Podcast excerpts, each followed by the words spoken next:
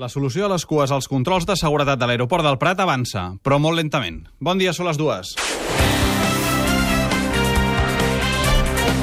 Catalunya migdia. Amb Carlos Baraibar.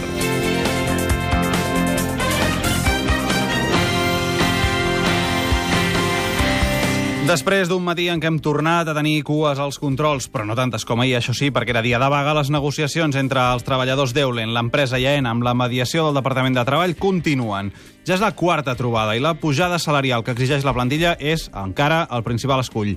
Les parts, però, admeten que s'ha avançat prou, malgrat que ara tot tira endavant més a poc a poc perquè s'estan acostant a les parts sensibles del conflicte. Pendent d'aquesta reunió de negociació i tenim, com sempre, aquests dies la Maite Curta. Bon dia. Hola, bon dia. Doncs no tenim coneixença de com van les negociacions d'avui. Hi ha molt d'armatisme en un dia clau en el que sobre la taula s'ha de debatre l'increment salarial que separa treballadors i empresa. Mentre el comitè de vaga reclama 350 euros d'augment, la proposta d'Eulen és de 155 euros. A aquesta hora no sabem, però, si s'han acostat posicions en aquest sentit. Doncs estarem pendents de si surt alguna cosa d'aquesta reunió perquè hauria d'ajudar a resoldre aquests problemes a les cues als controls de seguretat del Prat. Mentre al Prat els turistes catalans i estrangers es carreguen de paciència per superar els controls de seguretat, a Girona l'Ajuntament comença a prendre mesures per pal·liar justament els efectes de l'arribada massiva de turistes. Oi, Girona? Albert Raquena, bon dia. Bon dia, doncs sí, són unes mesures que volen pacificar el barri vell de Girona davant la pressió turística. La que crida més l'atenció és la prohibició als guies turístics d'utilitzar qualsevol mitjà per amplificar la veu a l'hora de fer les explicacions als seus clients. També es volen evitar les aglomeracions de turistes, sobretot als carrers més estrets del barri, per no molestar els veïns, unes mesures que ha anunciat l'alcaldessa Marta Madrenes.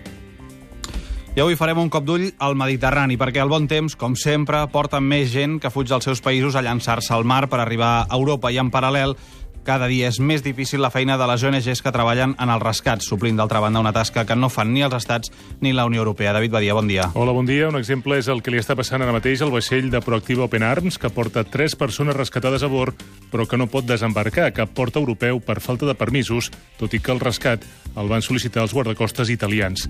Sentim el director de l'ONG, Òscar Camps. De moment no tenim cap alternativa. Uh, seguirem així, esperarem unes hores més i si no prendrem nosaltres una determinació emparats amb el dret internacional. Proactiva, d'altra banda, que denuncia que patrulleres líbies els han amenaçat i fins i tot han fet trets a l'aire dissuasoris demanant-los que surtin de les seves aigües territorials quan ells el que només intenten fer és rescatar gent de morir naufragada, naufra, de morir ofegada al mar. Una altra via per intentar entrar des d'Àfrica a Europa és la frontera amb Ceuta i Melilla. Avui un miler de persones han tornat a intentar saltar la tanca que marca la frontera sud de la Unió Europea.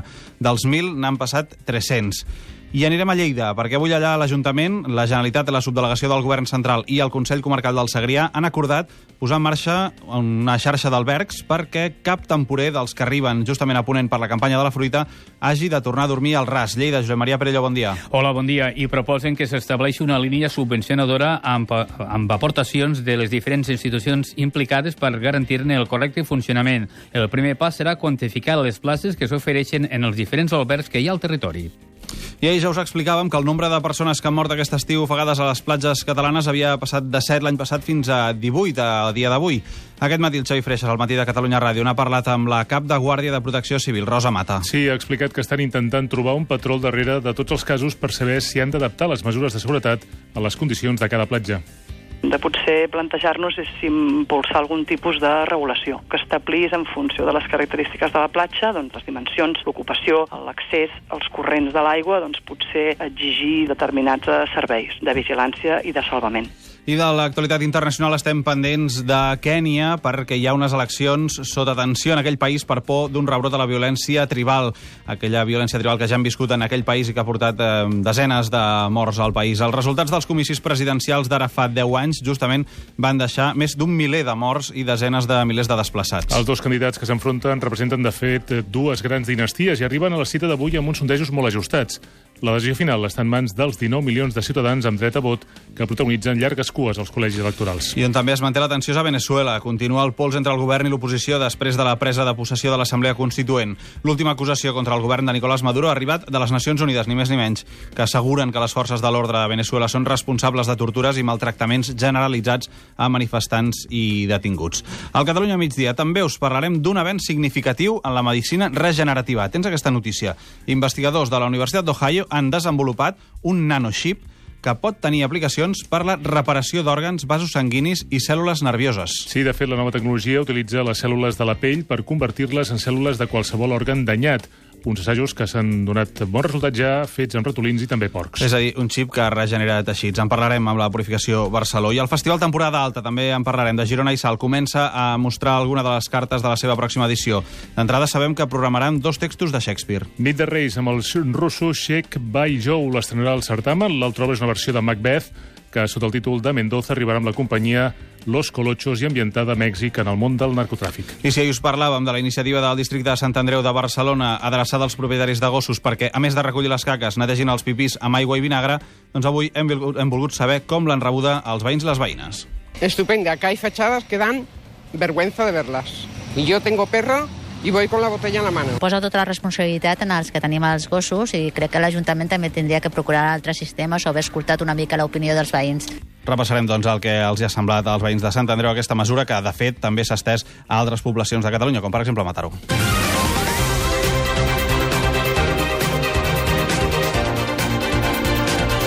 I en els esports anem de nom de brasiler en nom de brasiler. Si fins fa uns dies el nom de l'estiu era Neymar, avui al Barça el que orbita és Coutinho. Josep Antona Isa, bon dia. Bon dia. Hi hauria acord amb el jugador brasiler. Emisaris blaugrana han viatjat a Liverpool per intentar convèncer el club anglès i fer efectiu el traspàs operació que pujaria 100 milions d'euros. Aquest vespre, una disjuntiva ben morbosa per l'aficionat del Barça. La terra rival Real Madrid contra José Mourinho el tècnic més odiat. És la final de la Supercopa, a tres quarts de nou, transmesa per TV3. Els blancs contra el Manchester United.